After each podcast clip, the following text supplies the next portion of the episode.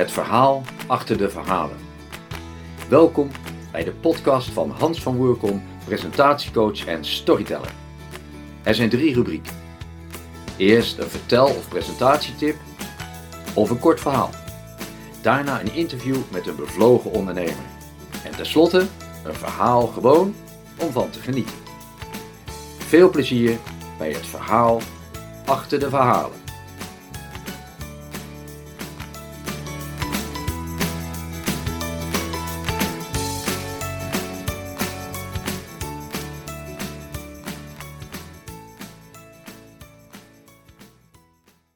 Tijd voor een presentatietip. Soms gaan mensen bij een presentatie heel langzaam praten. Maar er zijn ook mensen die ratelen, die praten zo snel. En waarom doen ze dat? Nou, misschien eh, uit enthousiasme, of uit angst, of misschien wel omdat ze veel informatie willen delen. Nou, dat ratelen kun je afleren door het treintje van woorden. Het is heel simpel. Je zegt een zin en je herhaalt die zin hardop. Uh, ik heb er vandaag zo'n zin in. Ik heb er vandaag zo'n zin in. Nou, dat kan je met andere zinnen natuurlijk ook doen, dus herhaal dat een aantal keren. En daarna herhaal je de tweede zin alleen maar in je hoofd. Dus bijvoorbeeld van: Ik hou van zingen en dansen. Nu heb ik hem in mijn hoofd gezegd. Nou, daardoor krijg je veel meer rust. Je gaat meer luisteren naar jezelf en daardoor gaat het publiek ook beter luisteren naar jou. Probeer het eens uit. Goedemorgen allemaal. Uh, we gaan uh, beginnen met uh, de podcast Het verhaal achter de verhalen. En vandaag heb ik een hele bijzondere gast. Dat is Stephanie Ozenwokke van Buiten. Zeg ik het goed, Stephanie? Ja, goedemorgen. Stephanie Ozenwokke. Ozenwokke. Nou, ik vind het een hele bijzondere naam. En ik vind het heel fijn dat je in dit gesprek bent. En kun je iets over je naam vertellen? Want het maakt mij zo nieuwsgierig. Ja, die vraag krijg ik wel vaker. Waar komt dat dan vandaan? Nou, mijn man is half Nigeriaans en half Surinaams. Dus het is een Nigeriaanse achternaam. Dus eigenlijk, het is mijn getrouwde naam. En mijn meisjesnaam is Van Buitenen. Dus dat is weer heel wat anders. Ja. Um, dus uh, ja, vandaar eigenlijk. Oké, nou dat is al heel uh, leuk om te horen. Ik vind het altijd leuk om eerst een paar algemene vragen te stellen, zodat we je een klein beetje leren kennen. En de eerste vraag is, uh, wat was vroeger of nu een, een favoriet boek van jou? Nou, wat ik wel leuk vind, ik heb, eigenlijk ben ik zelf helemaal niet zo heel erg van het lezen. Um, en er is maar één boek die mij is opgevallen en die mij echt nog steeds is bijgebleven. En dat is het boek Pay It Forward. Ik weet niet of je het verhaal kent, maar um, ik heb daar ook een keer een blog over geschreven. En dat is een boek dat gaat over een jongetje van 13. Ik heb hem volgens mij ook gelezen rond die leeftijd, want dat was in de tijd dat ik uh, uh, voor Engels op school, hè, dan moest ik lezen in het Engels. Um, en dan moest ik daar een, een boekverslag over schrijven. Nou, ik hoop niet dat mijn docent van toen luistert, want ik heb hem in het Nederlands gelezen. Maar goed, dat terzijde. uh, een beetje vals gespeeld. Ja. Maar um, nee, dat vond ik echt een heel indrukwekkend boek. Dat, dat jongetje dat kreeg een opdracht voor maatschappijleer. Van, goh, hey, uh, ga iets doen wat beter is voor de wereld. Hè, daar komt het natuurlijk op neer.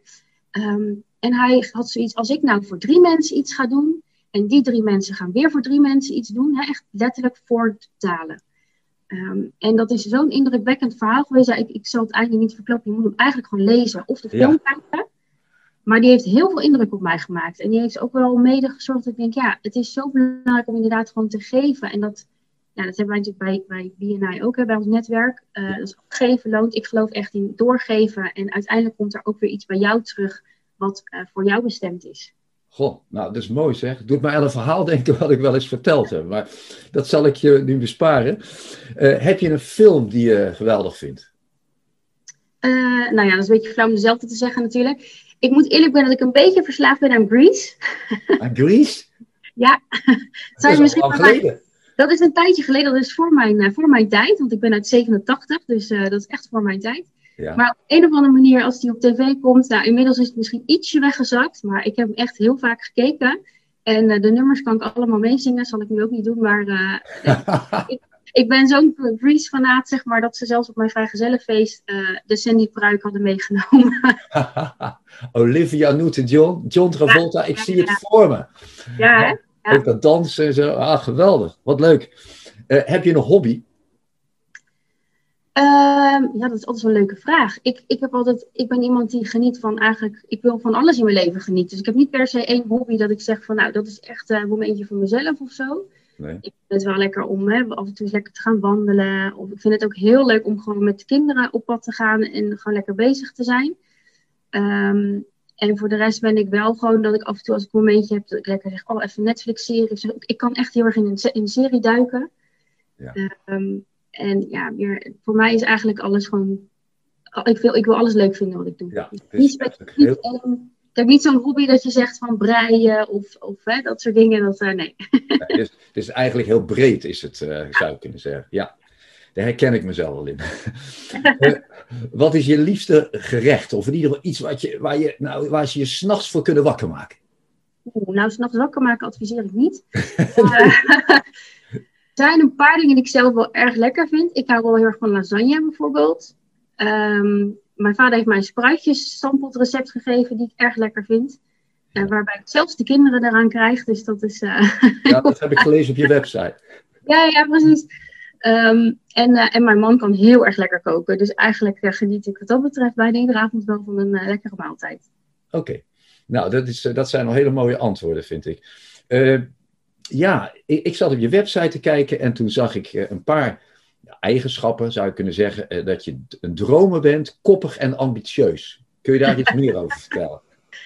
Uh, ja, daar kan ik wel wat over zeggen. Um, nou ja, ik hou er heel erg van om te dromen over wat allemaal mogelijk is. Ik uh, stel ook heel vaak aan mijn klanten de vraag van uh, wat als alles mogelijk is? Wat zou je dan willen? Hè? Om echt even los te laten, zeker nu met, met alle onzekerheden zijn we heel erg geneigd om te denken van ja, maar dat kan niet. En we denken heel erg in beperkingen. Um, ik wil dit wel, maar wat voor reden dan ook kan het niet. Um, en ik ben juist heel erg van lekker dromen van ja, maar wat nou als het wel kan? Uh, en welke kleine stapje zou ik dan nu kunnen zetten om toch die kant op te gaan? Um, en wat dat ben ik heel ambitieus inderdaad. Ik, ik denk altijd graag in, in, grote getallen. Dus als je het hebt over hoeveel klanten wil je in een jaar, dan ga ik altijd best wel hoog zitten. Heerlijk. Uh, ja, ik, ik, weet je, ik wil het een beetje, ik wil altijd de lat lekker een beetje iets hoger leggen. En ik zeg ook wel eens, je kan de lat zo hoog leggen dat je er zelfs onderdoor kan lopen. Dus uh, weet je, je hoeft er niet altijd overheen. Soms kan je er ook onderdoor. Ja. Um, maar dat vind ik wel fijn. En jij noemde nog een derde, dat ben ik even kwijt. Koppig, koppig. koppig. Oh ja. ja, koppig in de zin dat ik heel erg geloof in op mijn eigen manier ondernemen. Um, en op mijn eigen manier leven, wat dat gaat. En er zijn best wel mensen die hebben daar oordelen over. In de tijd dat ik uh, voor mezelf begon, dat was na een burn-out, of eigenlijk tijdens een burn-out.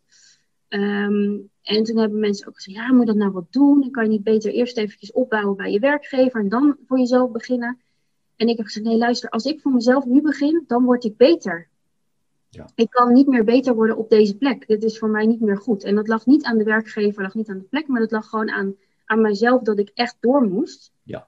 Um, en ja, dan ben ik koppig. En dat heeft gelukkig ook goed uitgepakt. En ook in mijn onderneming. Ja, heel veel business coaches, ze kunnen van alles zeggen. Maar ik doe toch echt alleen de dingen waarvan ik denk, ja, dat, dat, daar kan ik wat mee, zeg maar. Dat is voor mij passend. Daar doe ik ook iets mee. En ik kan ook heel goed dingen naast me leren leggen. Dus lekker eigenwijs en koppig zijn. Ja, nou, maar het lijkt me geen verkeerde eigenschap. Hè? Nou, ik zeg ook wel eens, ik ben niet eigenwijs, ik heb een eigenwijze. Ja, juist. Kijk, die, uh, die, die, die, spreekt me aan. En daarnet zei je van, uh, ja, ik, ik, ben ambitieus, ik leg de lat hoog. Maar uh, ben je dan niet teleurgesteld als, het, als je het niet haalt? Nee, omdat ik wel heel bewust ben van de tussenstappen. Ik kijk niet alleen maar naar het grote doel, maar ook naar welke kleinere doelen horen daar nu bij. Uh, en als ik naar afgelopen jaar kijk, dan heb ik mijn grote doel niet gehaald. Nou, dat is denk ik niet zo heel gek met alles wat er gebeurd is. Uh, maar ik heb wel heel veel stappen gezet in die richting. Dus ik heb zoiets, het is helemaal goed wat er is, is um, nou, wat er is gebeurd, dat klinkt misschien een beetje ja. Maar in, in, in mijn uh, wereld, zeg maar, mijn kleine wereldje thuis, heb ik het idee, de dingen die gebeurd zijn, het was niet makkelijk. Maar we hebben wel hele mooie stappen gezet als gezin en ik als ondernemer. Dus ik, bedoel, ik heb nog steeds de groei gemaakt die ik door wilde maken. Ja. Alleen op een iets andere manier en misschien een iets ander tempo, maar dat is helemaal prima. Ja, dat is helemaal prima. Maar goed, nu uh, is het wel uh, fijn om eens even te horen, wat doe je nou precies voor werk? Ja, ja ik profileer me als productivity coach. Dus ik hou me bezig met productiviteit, time management. Uh, en dan met name voor ondernemers. Ja. Uh, ik merk wel dat mijn, uh, mijn flowchart, nou, daar zullen we straks vast nog even terugkomen. Um, dat die ook gedownload wordt door mensen die geen ondernemer zijn. En dat die daar ook heel veel baat bij hebben. Maar in de basis coach ik echt eh, ondernemers. En dan gaat het dus over een stuk time management, dat je inderdaad goed kijkt naar je doelen. Dat ik help om ook hun doelen te halen. Nou, die hoeven natuurlijk niet zo ambitieus voor mij. Ik kies er dus bewust voor om het net iets anders uh, op te stellen. Maar de doelen die ik stel, waarvan ik zeg, die wil ik echt halen, die haal ik ook echt gewoon op dat moment. Ja. Uh, en ik wil gewoon de ondernemers daar ook mee helpen om en je doelen te halen, maar ook tijd over te houden voor jezelf en voor je gezinsleven. Want het is gewoon, hè, er loopt heel veel door elkaar, nu helemaal. En hoe hou je dan al die ballen in de lucht? En hoe zorg je dat je gewoon er een beetje gezond doorheen komt? Zeker als je langer ondernemer bent, dan moet je gewoon echt op je, op je gezondheid letten. Ja, dat is waar. Ja. Maar hoe, hoe, hoe ben je daar nou bij dit werk terechtgekomen? Hoe uh, komt dat door je geschiedenis, zal ik maar zeggen, wat je hebt meegemaakt? Dat je dacht van, hé, hey, dit wil ik nu gaan doen. Het is een, eh, een combinatie van dingen geweest. Dat ik voor mezelf wilde beginnen was eigenlijk al vrij snel duidelijk. Ik heb in 2009 heb ik al mijn uh, bedrijfsnaam en logo had ik toen ook zelf gemaakt. Inmiddels is mijn logo wel vernieuwd na tien jaar, maar ik heb hem toen zelf gemaakt. Um, en dat ik voor mezelf begin was, was duidelijk, maar ik was op dat moment nog secretaresse. Ik ben ook 15 jaar secretaresse geweest. Uh, en wat ik heel erg merkte, is dat ik kan nog zo goed een agenda voor iemand beheren, maar als diegene zelf andere keuzes maakt, zit hij nog steeds van 8 tot 8 te werken en in het weekend. Ja. Um, en dan moet er toch iets anders gebeuren om dat anders aan te pakken. Uh, en dat is een beetje wat mij triggerde. En ook op een gegeven moment dat ik met iemand zat en die zei ook van ja, uh, nou mijn dochter heeft gisteren gezegd, uh, papa je hoeft me niet naar bed te brengen, want je bent er normaal ook niet. Ach, zo. Poeh. Heftig. Ja, ja, dat zijn dingen, ik denk dat kan toch niet de bedoeling zijn. En zeker ook hè, met ondernemerschap, dan loopt het nog meer door elkaar vaak dan als je in loondienst bent. Um, en ik ben dus zelf best, hè, dat ambitieuze en dat dromerige, dat zie ik toch wat meer in de ondernemer terug. Dus vandaar ook die doelgroep. Ja. Dus ik wil gewoon veel meer betekenen dan dat. En als ik dan zo vaak de vraag op een gegeven moment kreeg van ja, jij doet zoveel tegelijk, maar hoe doe je dat? Hoe kan je, ja, ik, ik heb echt uh, een fulltime baan, uh, een avond naar school, uh, op een gegeven moment de kinderen ook erbij. Ja, er zijn heel veel dingen die door elkaar spelen en toch lukt het. Dus ja. dan hebben mensen iets van, hoe doe je dat? Nou, en daar ben ik dus verder gaan ontwikkelen van, hé, hey, ik ga eens kritisch kijken naar hoe doe ik dat? Want bij mij gaat het zo automatisch. Ja. en daar heb ik uiteindelijk mijn kiesmethode ook door ja. want kies, dat is, dat is de naam, hè? de Kies Company. Ja. Die letters die betekenen wat, hè? Klopt, ja. Ik heb uiteindelijk in 2009 in eerste instantie is kies ontstaan door de kernwaarden. Uh, ik zat toen nog heel erg in het secretaresse-stuk. En op zich zijn de kernwaarden nog steeds van toepassing hoor. Want het is kwaliteit, integriteit, efficiëntie en service. Dat is natuurlijk nog steeds van toepassing, maar dat was wel iets meer in het secretariële. Ik heb inmiddels mijn kernwaarden iets uh, bijgestuurd. Het is nu echt dat ik denk, ik, het, het, het leiderschap, puur jezelf zijn en speelsheid vind ik heel belangrijk. Uh, maar die vier tellen nog steeds mee. En kies is inmiddels voor veel meer gaan staan, omdat ik daar inderdaad ook een kiesmethode heb uh, ontwikkeld. En ik zeg ook wel eens, kies heet kies, omdat kies je helpt kiezen. Dat mag je nog een keer herhalen. kies heet kies, omdat kies jou helpt kiezen. Zo, wauw. Maar ik, ik ben heb een beetje geïnspireerd door Knus, moet ik eerlijk zeggen, in Delft. Die heet Knus, Knus heet Knus omdat Knus Knus is. uh, en dacht, dat past bij mij eigenlijk ook wel, maar dan met kiezen. ja, maar ik las ook iets van kaders in elke situatie. Klopt, ja, het is, nou dat zeg ik, hè. kies staat voor zoveel. Ja. En inderdaad, het is daar eigenlijk ook een, een, een afkorting voor geworden, een beetje hoor. Daar is het niet ooit door ontstaan. Maar het biedt wel inderdaad kaders in elke situatie, de kiesmethode. Dat is gewoon. Ja. ja. Nou, het klinkt uh, hartstikke goed, uh, moet ik zeggen. Uh, eens even kijken. ja, en waarom vind je dit werk nou zo leuk? Ben ik benieuwd. Wat ik het leukste vind, is dat ik de ondernemer weer zie opbloeien. Dus ondernemers die in een soort overlevingsstand zitten en denken, nou, ik weet het gewoon niet meer hoe ik alle, alles moet doen. Die vervolgens komen op een gegeven moment van, oh, ik heb dit gedaan, wat ik, ik had, nou ja, bijvoorbeeld een, een tijd geleden heb ik een, een uitstel vijfdaagse gedaan. Daar was je volgens mij ook bij, de focus vijfdaagse. Ja. En dat is dan maar vijf dagen. Hè? Dat zijn vrij kleine opdrachten, praktische tips die ik meegeef. En er was halverwege al iemand die zei, zo, ik heb een concept afgerond waar ik al tijden tegenaan hikte. En zeg maar dat gevoel van opluchting. En iemand die zei, ik heb een besluit genomen waar ik al tijden tegenaan hikte. Het voelt gewoon als een bevrijding. En dat is echt wat ik zo fijn vind. Dat mensen het gevoel krijgen van, ja, oh ja, ik mag doen wat voor mij goed voelt. En ik kan weer um, mijn onderneming gaan vormen zoals ik dat wil. En veel meer de stappen zetten die ik wil. En dat, ehm, ja, en ook weer vanuit de passie waarvoor je ooit ondernemer bent geworden. Want de meeste ondernemers, die zijn met een bepaalde, een ideaalbeeld, of vanuit een passie, of hè, vanuit iets wat, misschien vanuit een ergernis kan ook nog, hè, dat je begonnen Ja. bent. Want Ja. dit, nou, dat heb ik natuurlijk ook een beetje, het moet anders kunnen. Dat, ja, vanuit daar begonnen. En dat wil je eigenlijk terug hebben. En dat wil je gebruiken juist om ook je time management goed neer te zetten. Ja. Dus eigenlijk is het heel fijn dat je, dat, dat je echt ziet dat mensen er iets aan hebben. Dat mensen Ja, verder ja. komen. Zeker. Dus Ja. dat is wel een hele, hele sterke, vind ik hoor. Even kijken, dus. ehm, en, en kan je een, een voorbeeld geven van hoe je, hoe je nou te werk gaat? Met, met, eh, als je dus iemand eh, persoonlijk eh, coacht? Hoe dat ongeveer heb- gaat? Ik heb op dit moment niet echt één op één coaching wat ik doe. Eh, of ik dat weer wil gaan doen, daar, moet nog even, daar heb ik nog geen besluit over genomen. Eh, wat ik wel op dit moment heb, is bijvoorbeeld mijn accountability abonnement. Daar word ik ook wel heel blij van, want daar heb ik, eh, dat zijn kleine communities vorm ik dan. Ik heb een, een apart systeem, geen, geen Facebook of zo, want ik wil niet dat mensen afgeleid raken door andere dingen. Nee. We hebben echt een apart systeem. En wat we daarin doen, is dat ik in het groepje kom. En ik, ik doe dan een groep van maximaal 8, 9 mensen, zeg maar. Om te voorkomen dat het heel veel voor hun wordt. Want dat wil ik natuurlijk ook niet.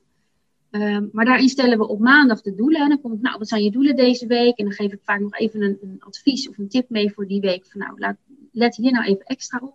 Ja. Op woensdag kom ik dan even inchecken van nou, hoe staat het ervoor? Kom je er doorheen of loop je ergens op vast? Hè? Waar kan ik helpen? Ja. En op vrijdag gaan we successen vieren. Want ook dat is een belangrijk onderdeel van eh, je doelen blijven halen. Dat je ook viert van hé, hey, wat is er goed gegaan? En dat je dus in de mindset komt van hé, hey, er gaan dingen goed. En daarop voortborduurt. In plaats van dat je heel erg in de situatie komt van dat je alleen maar het gevoel hebt niks lukt. Nee, precies. Dus je moet echt dat gevoel krijgen van, ja, het, het is mogelijk. Hè? Zeker, ja. ja. Dus dat, en dat zie ik nu bij die klanten echt ontstaan. En dat is echt ontzettend gaaf om te zien. Ja. Eigenlijk vanaf de eerste week dat er al mensen zijn die zeggen: Oh yes, oh, ik heb dit eindelijk gedaan. Terwijl ik zo lang tegenaan hikte. Of hè, dat ik ze help om eh, hele grote doelen, om die iets kleiner te maken. Dat is eigenlijk meteen een tip natuurlijk. Ja. Eh, als je hele grote doelen hebt, maak ze wat kleiner. Maak ze behapbaarder. Hè? En als je ze opdeelt, dan eh, wordt het gewoon makkelijker om daar iedere keer een stapje in te zetten. Ja. En dat, daar help ik hun ook bij, want dat is soms vrij lastig om dat zelf kleiner te maken. Dus daar help ik dan ook bij. Ik moet ineens denken aan eh, de, dat boek. Ik, ik heb het niet eens gelezen, maar dat heet Eat That Frog of zo. dat is wel leuk, want het grappigste is dat ik, ik geloof dus niet in de manier waarop zij het zeggen. Hè. Zij zeggen dan inderdaad, doe dat meteen als eerste. Ja, Dus volgens mij, ik heb het boek niet gelezen, maar dat is een beetje de conclusie volgens mij van Eat That Frog. ja, Doe dat als eerste in de ochtend, dan heb je het maar gehad. ja. Mijn ervaring is dat dat vaak niet lukt. En ik zeg ook altijd, een kikker op de nuchtere maag, nee bedankt. Ik zou, hè, wat, wat ik doe, geef ik meteen nog een tip, is dat op het moment dat je dat nou hebt, ja, ga dan eerst in de ochtend een aantal klusjes doen die hè, wat makkelijker zijn, waar je een beetje lekker in de flow komt, in de werkflow komt. En plan die kikker om een uur of 10, 11 in, zodat je hem wel voor de lunch af hebt. ja. Maar dat je niet 's ochtends meteen als je wakker wordt denkt, oh, nu moet ik eerst hier aan beginnen. Weet je wel, dat. ja. Het, het lijkt me ook een beetje tegenhoudend of zo. Hè, Ja, ja. Ik moet denken aan Hugo Bakker, die had vorige week een, eh, een, een passie, eh, ging over de passietest en zo. Ja, En, en die, die zei eigenlijk van, ja, ik, ik ga vooral doen even wat ik heel erg leuk vind. Ja. En dat vind ik ook wel een idee eigenlijk. Hè, En dat kunnen dan kleine klusjes zijn of zo, maar dat je echt zegt van, hé, hey, daar komt je enthousiasme naar boven. En dan is het, dat werkt leuk. Als het werk alleen Ja. maar dat, die, die kikker, eh, ja, dan is het misschien, misschien wel leuk dat je het voor elkaar hebt, maar misschien valt het wel tegen. Hè? Misschien, Nou ja, dat kost gewoon heel veel energie inderdaad. En, en begrijp me niet verkeerd, ik weet dat het voor heel veel mensen ook wel werkt. Ja. Eh, maar mijn ervaring is dat, dat het, nou, bij mij werkt het in ieder geval niet om daarmee te starten in de ochtend. Want dan zit ik er s'avonds al tegenaan te hikken. Dus dat, eh, en, en het is ook wel goed om je soms af te vragen, hé, hey, ik- dit voelt als zo'n enorme kikker. Eh, maar moet dat eigenlijk, hè? inderdaad kan je hem kleiner maken? Of is het überhaupt wel iets wat ik nu moet doen? Of misschien is het wel iets dat je denkt, moet ik het eigenlijk wel doen? Ja, precies. Ja, nee, dat snap ik. Eh, door wie ben jij eigenlijk geïnspireerd? Eh, ik word eigenlijk door het hele leven geïnspireerd, moet ik eerlijk bekennen. Ehm, ik heb niet één specifiek persoon. Dus natuurlijk wel het, het verhaal wat ik net vertelde hè, van, Ja. die, van vader. Dat triggerde mij natuurlijk wel, maar dat was ook niet nou, dat was niet meteen het moment dat ik zei ik ga voor mezelf beginnen. Ehm, ja, het is voor mij echt gewoon het, hele leven wat me inspireert. En ik zie heel veel mensen waarvan ik denk, die inspireren mij weer in, allemaal op andere vlakken. Ja, ja nou, daar zit ook wat in natuurlijk. Hè. Ik bedoel, het is ook lastig om te zeggen, nou, als je die één persoon, hè, dat zou ook wel een beetje ja. beperkend zijn.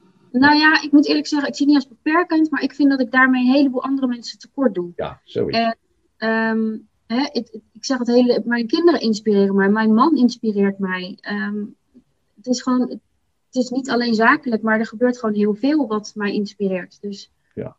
Ja, Het is, uh, dat is duidelijk. Uh, wat zijn voor jou nou de meest ideale klanten?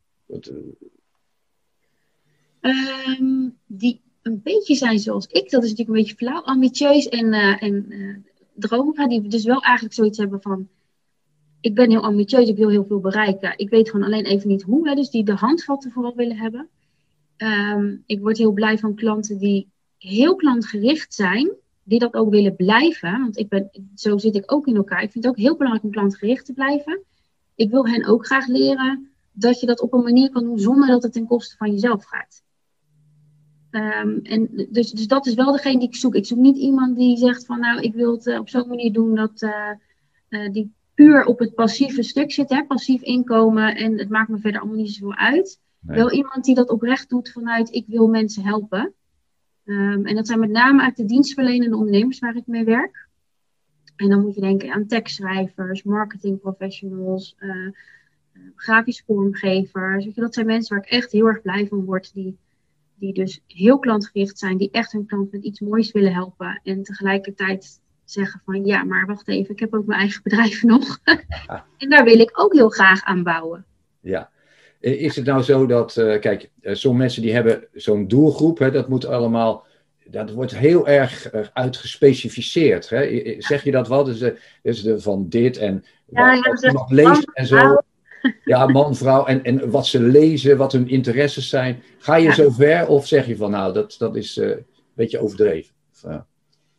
Nou, ik zou niet zeggen dat het overdreven is. Ik denk dat het voor heel veel wel, wel zeker helpt. Ik probeer af en toe me er wel in te verdiepen van ja, wat, wat zou zo iemand nou lezen? Zo, maar ik ben bijvoorbeeld niet zo dat ik zeg, nou, het is een man of het is een vrouw, uh, zo oud. Of, hè, maar ik probeer wel een beetje te denken in welke levensfase zit zo iemand. Hmm. en dan merk ik wel dat ik het meest resoneer met de mensen die uh, hè, misschien net als ik kleinere kinderen hebben of kinderen rond, nou ja, in ieder geval basisschoolleeftijd. Hè. Ik merk dat ik daar gewoon um, heel goed mee kan levelen. En dat wil niet zeggen, want ik heb ook een heleboel klanten zonder kinderen. En dat, dat vind ik ook ontzettend leuk. Maar als je echt zou moeten zeggen, naar wie schrijf ik toe? Hè? Want je hebt natuurlijk wel iemand naar wie je toeschrijft. Dan betrek ik daar vaak wel het gezin in. Dat merk ik wel. Oké, okay, nou, dat is, dat is helder. En uh, wat zijn nou jouw belangrijkste kwaliteiten? Dat is altijd een leuke vraag. Mijn belangrijkste kwaliteit.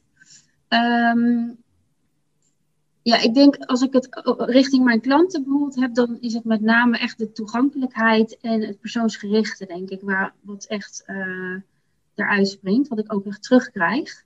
Want ook als ik in groepen werk, dan krijg ik echt wel terug van ja, maar ik heb echt wel het gevoel dat je er voor mij bent. Mm-hmm. Um, en dat vind ik ook heel belangrijk. Dat is een waarde voor mij en dat is tegelijkertijd een kwaliteit gelukkig ook voor mij dat ik het heel belangrijk vind om echt persoonsgericht te blijven. En niet van, oh ik heb nu een groep en dan wordt iemand een nummertje of zo. Dat, dat heb ik zelf ervaren en dat vind ik echt niet fijn. Er zijn nog meer dingen waarmee je je onderscheidt van, van andere mensen in, in jouw werk? Als ik kijk naar, de, naar het stukje time management, wat mij heel vaak opvalt, is dat er gekeken wordt naar wat wordt er op jouw bordje gelegd en hoe ga je dat allemaal managen. Wat mij onderscheidt is dat ik veel meer uitga van proactiviteit en vanuit, maar wacht even, wat wil jij dat er op je bordje gelegd wordt? Dus eigenlijk laat ik in eerste instantie even los wat er allemaal op het bordje ligt. Ik wil eerst even terug naar, naar jou als ondernemer, naar jou als mens. Van wat vind jij belangrijk? Waar wil jij naartoe? Um, en, en dan pas gaan we kijken van oké, okay, en hoe past alles wat jij doet daarin. Ja. En dan gaan we echt wel taakgericht werken. Dus ik kijk echt wel op taakniveau en niet zozeer van, um, want wat ik ook zie is heel veel business coaches die richten zich op een stukje strategie. En daarin mist dan toch vaak, ja oké, okay, ik weet nu wat ik moet doen, maar hoe vind ik de tijd ervoor? Ja. Uh, en ik vind het belangrijk om echt naar het totaalplaatje te kijken. Enerzijds, waar wil je naartoe? Wat moet je daarvoor doen? Anderzijds, wat heb je nu op je bordje liggen? En hoe ga je dat allemaal met elkaar combineren? En ik geloof ook echt in, in werk en privé kan je niet scheiden. Nee. Allemaal 168 uur in de week en dat moet je over alles verdelen wat je in je leven hebt. Uh, en voor mij is het dus niet werk en dan een ander hokje privé. Nee, voor mij is het echt de combinatie waar ik naar kijk. Um, dus dat vind ik heel belangrijk. En wat ik ook wel interessant vond, was dat ik laatst ook een Amerikaanse coach, die, die had het erover, ja, um, dat, ze, dat de fout die veel mensen maken is vooruitkijken zonder uh, dat ze eerst achteruit kijken. En het grappigste is dat ik er juist niet zo in sta, omdat ik zoiets heb, ja, tuurlijk moet je achteruit kijken van, hé, hey, wat heb ik hier geleerd en, en wat neem ik mee, wat laat ik achter. Alleen het gevaar, als je eerst achteruit gaat kijken en daar op basis daarvan je doelen gaat bepalen, is dat je jezelf heel klein gaat houden. Ah, omdat er iets mislukt is of zo? Of, uh... Nou ja, nee, maar als jij, um, als ik naar mezelf kijk, hè, ik kom uit de secretaressenwereld. En dan waren er mensen die zoiets hadden van, ja, maar kan je dan niet beter secretaresses gaan coachen? Hè? Dat was dan een logische stap in hun hoofd. Dat begrijp ik, dat dat voor een logische stap is, maar voor mij niet. Nee. Um, ondernemers voelden voor sommige mensen misschien als een hele gekke stap voor mij, maar dat is waar ik naartoe wilde. En als ik had gekeken puur naar, ja, maar wat heb ik dan tot nu toe gedaan? En hè, is het dan niet logischer om een ander... Je gaat jezelf toch een beetje beperken in dat dromen, in de mogelijkheden die er zijn. Ik ben meer, en dat vergelijk ik, ik had laatst een post over geplaatst, dat ik het vergelijk met naar bijvoorbeeld als je naar Gelderland wil rijden. Uh, dan ga je kijken, oké, ik wil naar Gelderland. Welke route moet ik pakken? Hoeveel benzine heb ik nodig? Maar je gaat niet kijken, hoeveel benzine heb ik? En hoe ver kom ik daarmee? Ja. Nou, het volgende wat ik je graag wil vragen is eh, van waar, waar ligt voor jou de uitdaging in je, in je werk? Mooie vraag. Mijn uitdaging ligt op dit moment ook vooral op het vlak ondernemerschap zelf. um, want dat is natuurlijk, ja, dat, dat leren we niet als, uh, als kind. En uh, nou moet ik zeggen, mijn dochter krijgt er nu wel een hoop van mee. Die heeft al bedacht dat ze later mijn bedrijf al over wil nemen. Ze is zes, wow. even uh, voor jouw beeld. Maar Um, maar dus ik zit met name daar nu dat ik echt aan, aan het kijken ben naar om het echt op zo'n manier in te richten. Inderdaad, dat ik zeg, hé, hey, dat werkt voor mij en dat werkt voor mijn klant. Um, en, en, een stukje copywriting is voor mij nog wel een ontwikkelpunt. En daar heb ik gelukkig uh, een training zelfs over gewonnen. Dus dat is super gaaf dat ik die mee mag doen. Dus er zijn best wel wat dingetjes nog waar de uitdaging in zit, maar wat ik ook weer erg leuk vind. Dus uh, ja, genoeg te ontwikkelen altijd, zeg maar. Ja, nou, dat klinkt heel goed. Eh. En nou, we zitten natuurlijk in een bijzondere tijd met corona. Heeft dat jouw werk erg veranderd?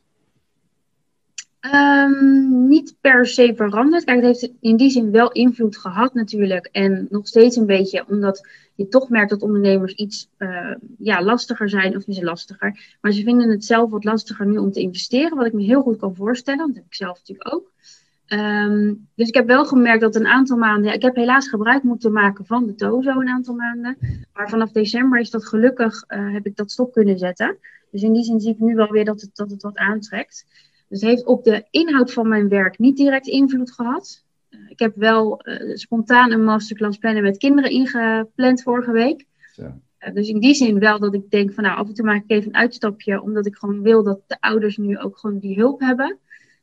Maar niet zozeer op mijn lange termijn doel of op uh, hoe ik het wil inrichten. Of dat, dat zat er eigenlijk bij mij sowieso wel in dat ik meer online wilde gaan doen. Dus dat komt er eigenlijk wel goed uit. Wat dus nou ja, in, in, die zin heeft het niet direct invloed op de inhoud of op, op mijn plannen. Nee. Oké. Okay. En uh, zijn er nou nieuwe ontwikkelingen in jouw werk? Uh, vanuit jezelf of vanuit de markt? Um, dat is een goede vraag ik denk niet dat er hele nieuwe ontwikkelingen zijn. Ik denk wel dat er nu, dat mensen zich nu bewuster worden van het belang daarvan. Uh, zeker nu hè, met thuisscholing. En dat, ja. Ja. ik weet het zelf ook als ondernemer met twee kleine kinderen thuis die, die les krijgen. Um, wij doen dat gelukkig samen, dus dat scheelt wel iets. Maar dan nog, hè, je bent toch met z'n vieren thuis de hele tijd. Dat heeft wel zijn invloeden. Uh, maar ik denk dat dat het met name is. Dat mensen nu steeds bewuster worden van dat Hè, dat, en van die balans, van hoe doe ik dat?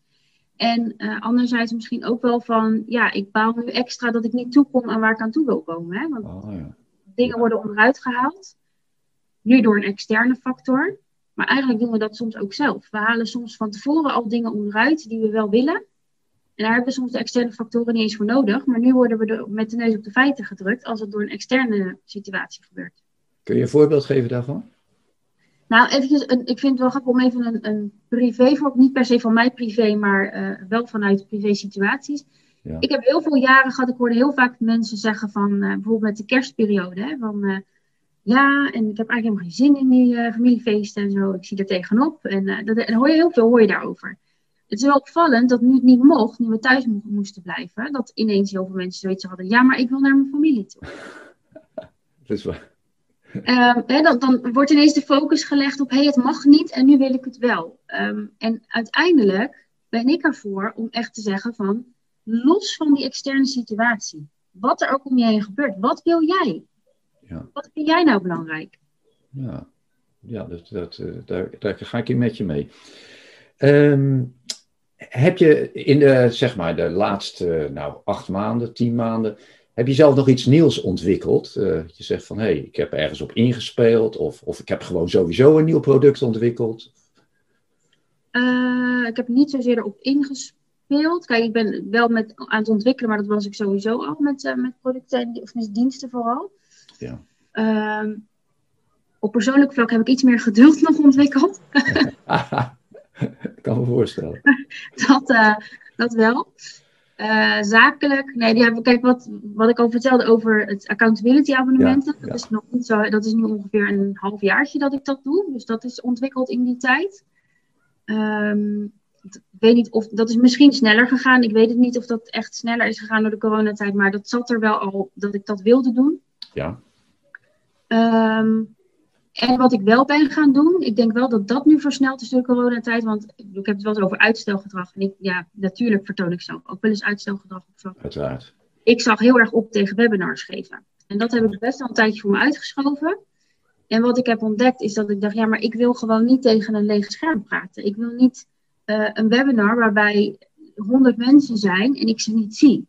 Ja. Uh, en ik geef dus webinars via Zoom, zodat ik ook echt zie wie er zijn, dat we interactie kunnen hebben. Ik ruim altijd tijd in voor interactie, omdat ik het veel belangrijker vind dat ik de mens kan helpen. Hè? En dat ik dus kan inspelen op, hé, hey, waar loop jij tegenaan? Dan dat ik een algemeen verhaal ga houden. Um, en ik vind dat eigenlijk ook heel erg leuk om te doen, merk ik. Dus ik, ik heb nu ook in februari heb ik er weer twee staan. Uh, time management voor ondernemers, twee webinars. En dat gaat ook weer op die manier. Ik wil, vind het gewoon veel fijner om dat met mensen samen te doen. Ja, ja het is leuk. Ik heb het ook gemerkt, uh, zo'n webinar geven. Dat is, uh, ja, de, en die interactie, hè, die is zo belangrijk. Hè? En een beetje humor erbij. En ja, mensen lekker aan het werk zetten. Ook hier die breakout rooms vind ik ook zelf een hele mooie uitvinding. Ik weet niet of je daar... Ja, ja ik, ik, ben er, ik ben er zeker bekend mee. Al is het maar als voorzitter van de BNI chapter waar ik bij zit. Maar... Ja ik moet zeggen dat ik daar in mijn webinars geen gebruik van maak, omdat ik heel erg probeer. En dat is eigenlijk in al mijn. Als je het hebt over onderscheiden trouwens, daar had je het natuurlijk al eerder over. Ja. Uh, wat ik heel belangrijk vind, is dat ik in zo min mogelijk tijd bij jou de grootst mogelijke verandering teweeg breng. Oké. Okay. Uh, dus alles wat ik maak, wat ik, wat ik ontwikkel, probeer ik te kijken hoe kan ik het zo zorgen dat het voor jou zo min mogelijk tijd kost. Dus ook mijn online training bijvoorbeeld, er zitten video's in van twee, drie minuten of zo. Ik heb zoiets, ik kom to the point, dit is het. En uh, uh, weet je, daar kan je dit, deze opdracht kan je doen. Of um, uh, ga hier eens over nadenken. Of, dat zijn allemaal dingen die je ook meeneemt in je dagelijks leven. Um, en dat heb ik eigenlijk met alles. Dat heb ik ook met het webinar. Dat ik denk, ik ga geen webinar van twee uur geven met uitgebreide breakout rooms. Want het zijn mensen die, die al het gevoel hebben dat ze geen tijd hebben. Nee. Oké, okay. nee, dat is een helder, uh, helder verhaal. Oké, okay, um, werk je nou uh, altijd alleen of uh, ga je de samenwerking aan met anderen? Hoe werkt dat? Ik ga zeker de samenwerking aan. Ik ben nog wel een beetje aan het ontdekken van wie zijn nou ideale samenwerkingspartners voor mij. Maar ik werk bijvoorbeeld wel samen op het gebied. Hè. Ik heb ondersteuning voor mijn website nu erbij, gelukkig. Want dat heb ik altijd zelf gedaan. En ik, heb, ik merk nu toch wel dat het heel fijn is als iemand met je meekijkt die er verstand van heeft. Ja. uh, ik heb uh, een blogcoach. Nou, jij kent haar volgens mij, Sjoukje Bakker. Ja. Ook heel fijn om uh, met haar te werken en wat support te hebben op het gebied van blogs. Als ik even twijfel van is dit goed genoeg. Ja. Dus ja, er zijn gewoon verschillende mensen waar ik zeker mee samenwerk, waar ik ook gebruik van maak dat ik hulp van hen heb. Ehm, en het stukje samenwerking van hè, hoe bijvoorbeeld nou, wat ik trouwens net vertelde over die, die uh, copywriting training die ik had gewonnen. Hè. Ik had, die dame heb ik leren kennen omdat wij allebei een weggever via een andere ondernemer hebben gedeeld. Dat was ook een samenwerking. Ja. De kerst heb ik ook met een ondernemer die zei ook van joh, uh, lijkt me leuk om van meerdere mensen iets te delen. Wil je meedoen? Heb ik ook meegedaan. Ja. Oké, okay. levert dat dan wat op verder? Of uh, wordt er veel op gereageerd of gedownload? Uh, er waren wel downloads, zeker downloads uitgekomen. Wat ik wel merk, um, is dat het soms een. Je, uiteindelijk gebeurt alles met een reden, denk ik altijd maar. En, en er komt altijd iets uit, alleen soms weet je het nog niet direct. Nee. Dus soms zie je niet meteen het resultaat.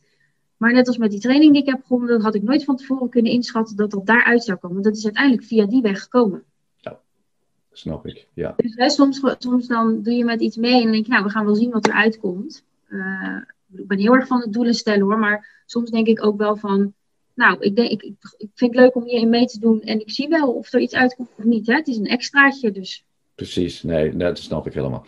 Nou, nou heb ik zelf wel eens een, uh, een project gehad, daar, uh, ja, daar was ik heel enthousiast over en het, het lukte gewoon niet. Heb jij dat ook wel eens gehad, dat je iets gewoon, ja, je zegt, goh, dat is een hartstikke mooi product, maar het werkte totaal niet. En hoe ga je daar dan mee om? Nou, wat ik heb gemerkt, ik heb uh, vorig jaar, daar anderhalf jaar geleden inmiddels, een online training gemaakt. Ja. Um, die wilde ik in eerste instantie gewoon verkopen met het idee, mensen kopen hem, mensen gaan het zelf doen, weet je wel. En ik heb wel altijd erbij gezegd, mail het me als je vragen hebt of dat soort dingen.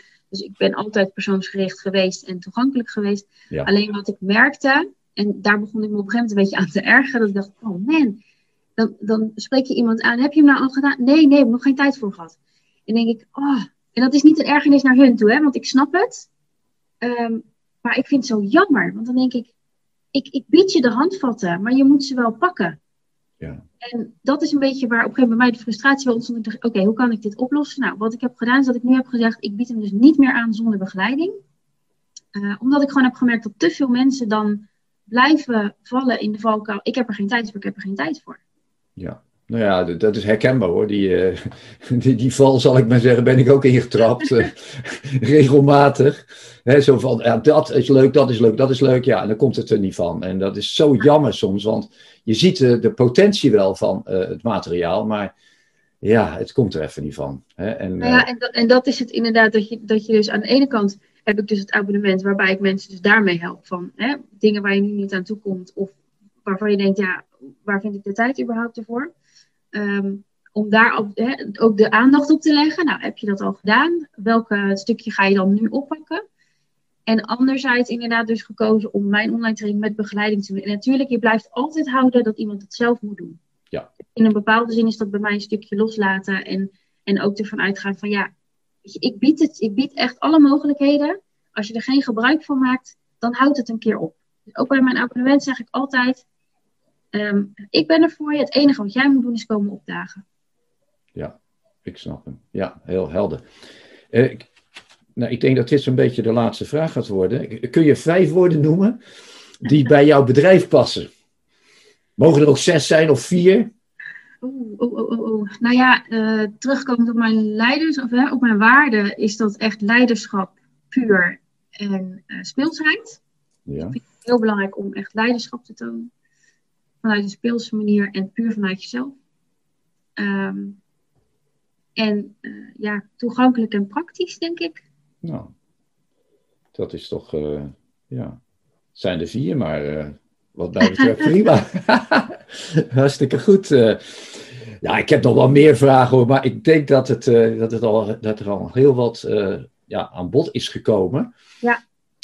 Um, als mensen met jou willen werken, hoe, hoe doen ze dat dan? Uh, nou ja, het anders is om even naar mijn website sowieso te gaan. www.kiescompany.nl. Dan kies in het Engels, company, of uh, kies in het Nederlands, company in het Engels, moet ik dat zeggen. Ja. Um, en daar kan onder andere de Kies Flowchart bijvoorbeeld gedownload worden. Nou, dat is een, uh, voor de mensen, ik moet het natuurlijk nu uitleggen zonder dat ik het laat zien. Um, dat is eigenlijk een, een A4'tje, zeg maar. En er staan een aantal vragen op. En aan de hand van die paar vragen kom je op een van de vier lijsten waar ik mee werk. Dus dan maak je al een beetje kennis met uh, hoe ik werk. Maar kun je ook meteen profiteren van de tijdbesparing. Dus dat zou ik sowieso adviseren. Uh, ik, ja, ik ben te vinden op Instagram, Facebook. Uh, heb ik ook een besloten Facebookgroep trouwens, Time Management voor Ondernemers. Dus daar kun je me ook vinden. je kunt me op allerlei plekken vinden. En stuur me gewoon een privéberichtje op het moment dat je het idee hebt van nou, ik wil hier denk ik wel iets mee of twijfel. Hè, of ik wil gewoon even sparren. Uh, ik ben altijd bereid om eventjes vrijblijvend te bellen en er eventjes over te hebben of het inderdaad voor jou iets is. Um, en of er een match is. Ja.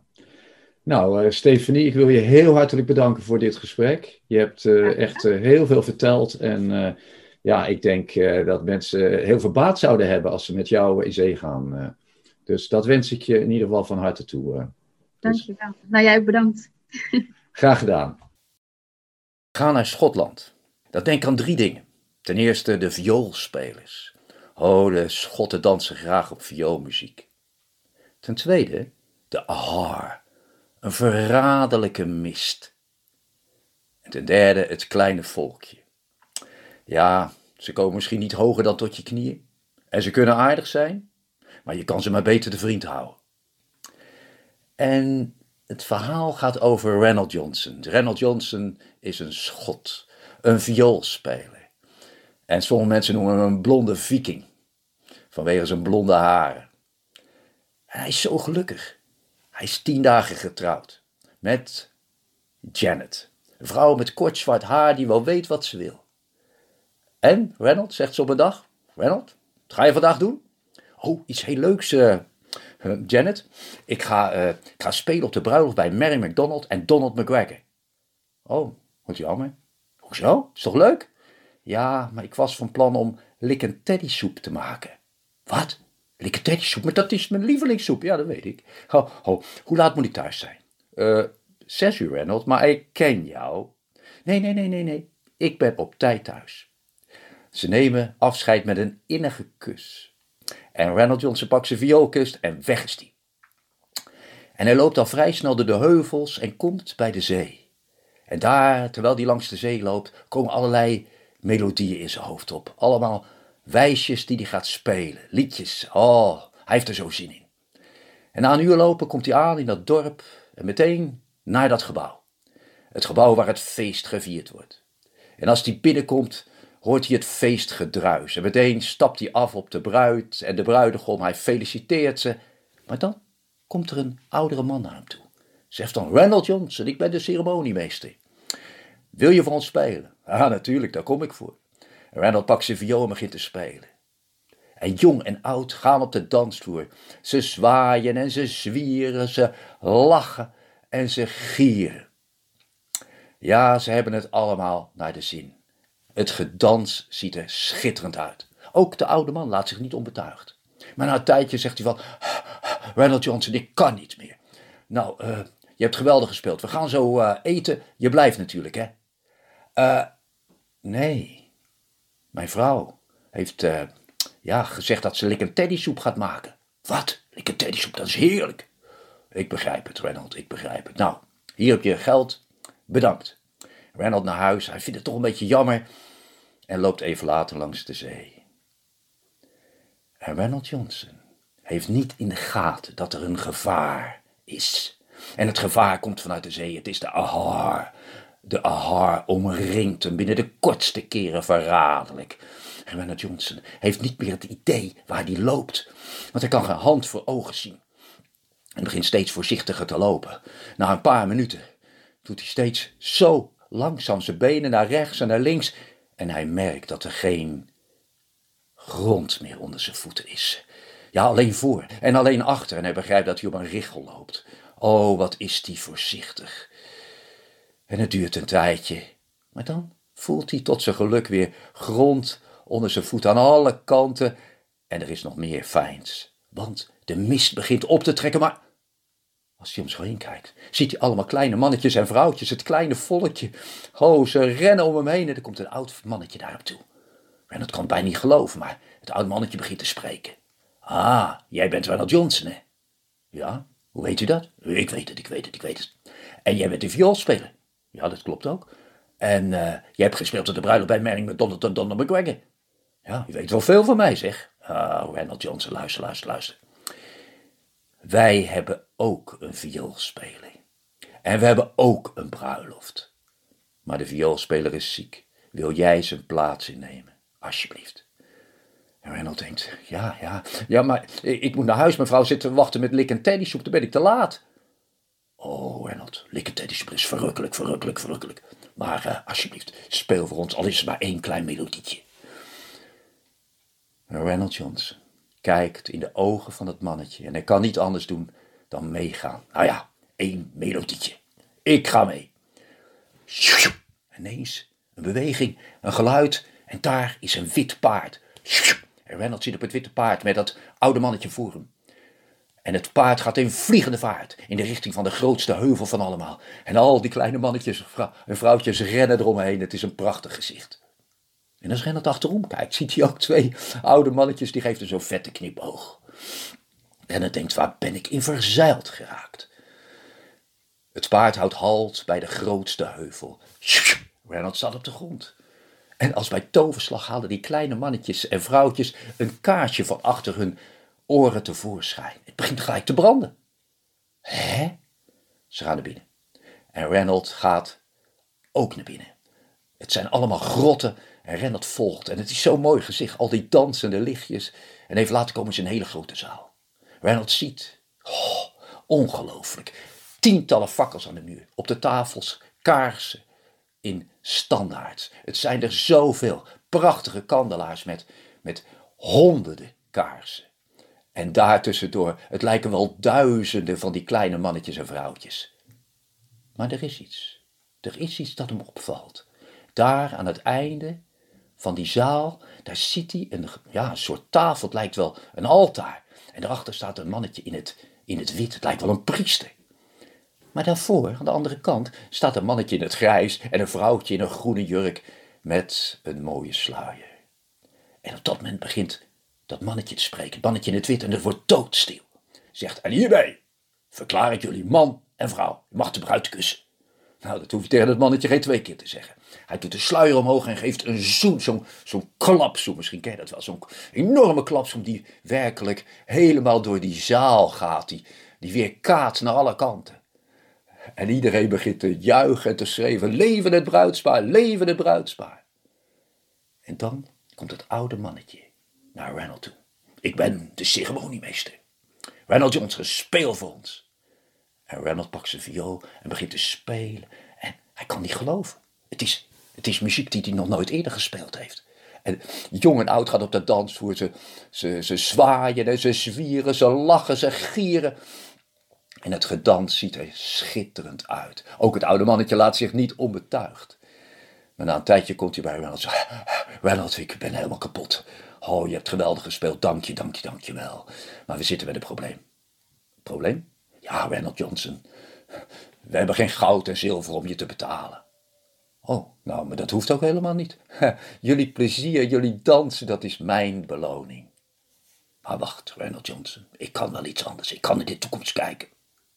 Het kistje. En er wordt een kistje gehaald. Een zilveren kistje. En het oude mannetje doet hem open en hij kijkt erin en... Ah, Reynold Johnson, ik heb heel interessant nieuws. Oh, jouw vrouw Janet. En Reynold denkt, hoe weet hij dat? Jouw vrouw Janet krijgt vier kinderen. Wat? In één keer? Nee, niet in één keer, Reynold Johnson. Oh, maar ik hou van kinderen, dat is geweldig. Oh, wacht even, wacht even, wacht even. Je vrouw uh, Janet krijgt nog vier kinderen. Uh, ook niet in één keer hoor. Acht kinderen. Dat is geweldig. Maar ik moet je waarschuwen, Ronald Johnson. Want als het eerste kind op de wereld komt, het zal huilen, gillen en janken. En ze kunnen het horen in Denemarken. Oh, verschrikkelijk. Het wordt nog erger. Als het eerste kind ergens, het tweede kind is nog veel erger. Oh, als het op de wereld komt, zal huilen, gillen, janken en schreeuwen. Ze kunnen het horen in Noorwegen. Maar, maar, maar, maar, maar, wat moet ik dan doen? Ik hou van kinderen, maar... Rustig, Reinhard, rustig, Reinhard. Er is een redding. Kun je goed muziek onthouden? Ik hoef het maar één keer te horen en het gaat nooit meer verloren. En dat oude mannetje begint een liedje te spelen. Op zijn mondharmonica. En het klinkt zo mooi. En Reynold luistert naar. Hij pakt zijn viool en hij speelt het moeiteloos na. Oh, Reynold Johnson, dit kan je helpen, dit liedje. Onthoud het, onthoud het, onthoud het. Tijd om terug te keren. En Reynold Johnson onthoudt het liedje. Hij probeert het nog even te spelen op zijn viool en het gaat zo makkelijk. Maar dan gaan ze weer terug naar huis. Tenminste, Reynold gaat naar huis. En ze lopen zo door de gangen van de grot. En het zijn allemaal weer van die dansende lichtjes. En als ze buiten komen, doet het oude mannetje. En er is een wit paard. Reynold zit op het witte paard. En daar zit het oude mannetje voor hem. En in vliegende galop gaat het heel snel naar het huis van Reynold. En als hij achterom kijkt, dan ziet hij weer die twee oude mannetjes die hem een vette knipoog geven. Nou, razendsnel, in een oogwenk zijn ze bij het huis van Reynold. En Reynold staat op de grond. En dat oude mannetje zegt van, Reynold, denk aan het liedje. En Reynold kijkt naar de deur en hij kijkt terug en... Het paard met de mannetjes is verdwenen. Hé, ik zal het toch niet gedroomd hebben. En hij knijpt in zijn arm en ineens hoort hij het liedje in zijn hoofd. Hij denkt, nee, ik heb niet gedroomd. En hij gaat naar de deur, pakt de sleutel, doet de deur open. En daar, bij de open haard, zit zijn vrouw Janet met een gezicht ik wens het niemand toe. Randall Johnson, waar was jij? Waar is mijn likketeddysoep? Daar is je likketeddysoep. En Randall neemt een grote hap en hij spuugt het gelijk uit. Wat is dat voor soep? Dit is koud, dit is smerig, dit is slijmerig. Randall Johnson, dit is soep van veertien dagen geleden. Dat kan niet. Ik ben, ik ben vanochtend weggegaan. Eh, veertien dagen geleden, Reynold. Waar was je? Maar, maar, maar ik was op het feest bij Mary McDonald en Donner. Ja, ik was ook op het feest bij Mary McDonald en Donner. En ze zeiden dat je al naar huis was. Je hebt toch niet een andere... Nee, nee, nee, nee, nee, nee. Ik... Oh, ik was ook bij het kleine volkje. Wat? En je bent al terug? Nou, ik vind het lang genoeg zeg, veertien dagen. Oh, Ronald Johnson, je hebt geluk gehad. Oh, sommige mensen zijn wel zeven jaar weggebleven. Veertien. 49 en sommigen zijn nooit meer teruggekeerd. Oh, Ronald Johnson, ik ben zo blij dat je terugbrengt. En ik zeg je dit, als je ooit midden in de nacht wakker wordt en je zegt tegen mij, ik heb trek en likken teddy soep, dan maak ik het voor je. En ik weet niet of ze dat ooit gedaan hebben, maar wat ik wel weet, dat er na één jaar een kindje werd geworden, een babytje. Het was een meisje. En dat meisje, oh, ze begon te gillen, te janken, te schreeuwen. En ze kon het horen, horen in Denemarken. En Randall Johnson pakte zijn viool en speelde het liedje. En het hielp. Maar weer een jaar later wordt er nog een kind geboren. Het is een jongetje. En het jongetje, oh, die laat zich niet onbetuigd. Nee, hij schreeuwt, hij huilt, hij jankt en hij gilt. En ze kunnen het horen in Noorwegen. Maar Randall pakt zijn viool en het helpt als hij het liedje speelt. En Janet, die zingt erbij. Die zingt bij het liedje en het klinkt schitterend. En elke keer als ze dat zingen, als ze het spelen, slapen de kinderen als engeltjes in de hemel.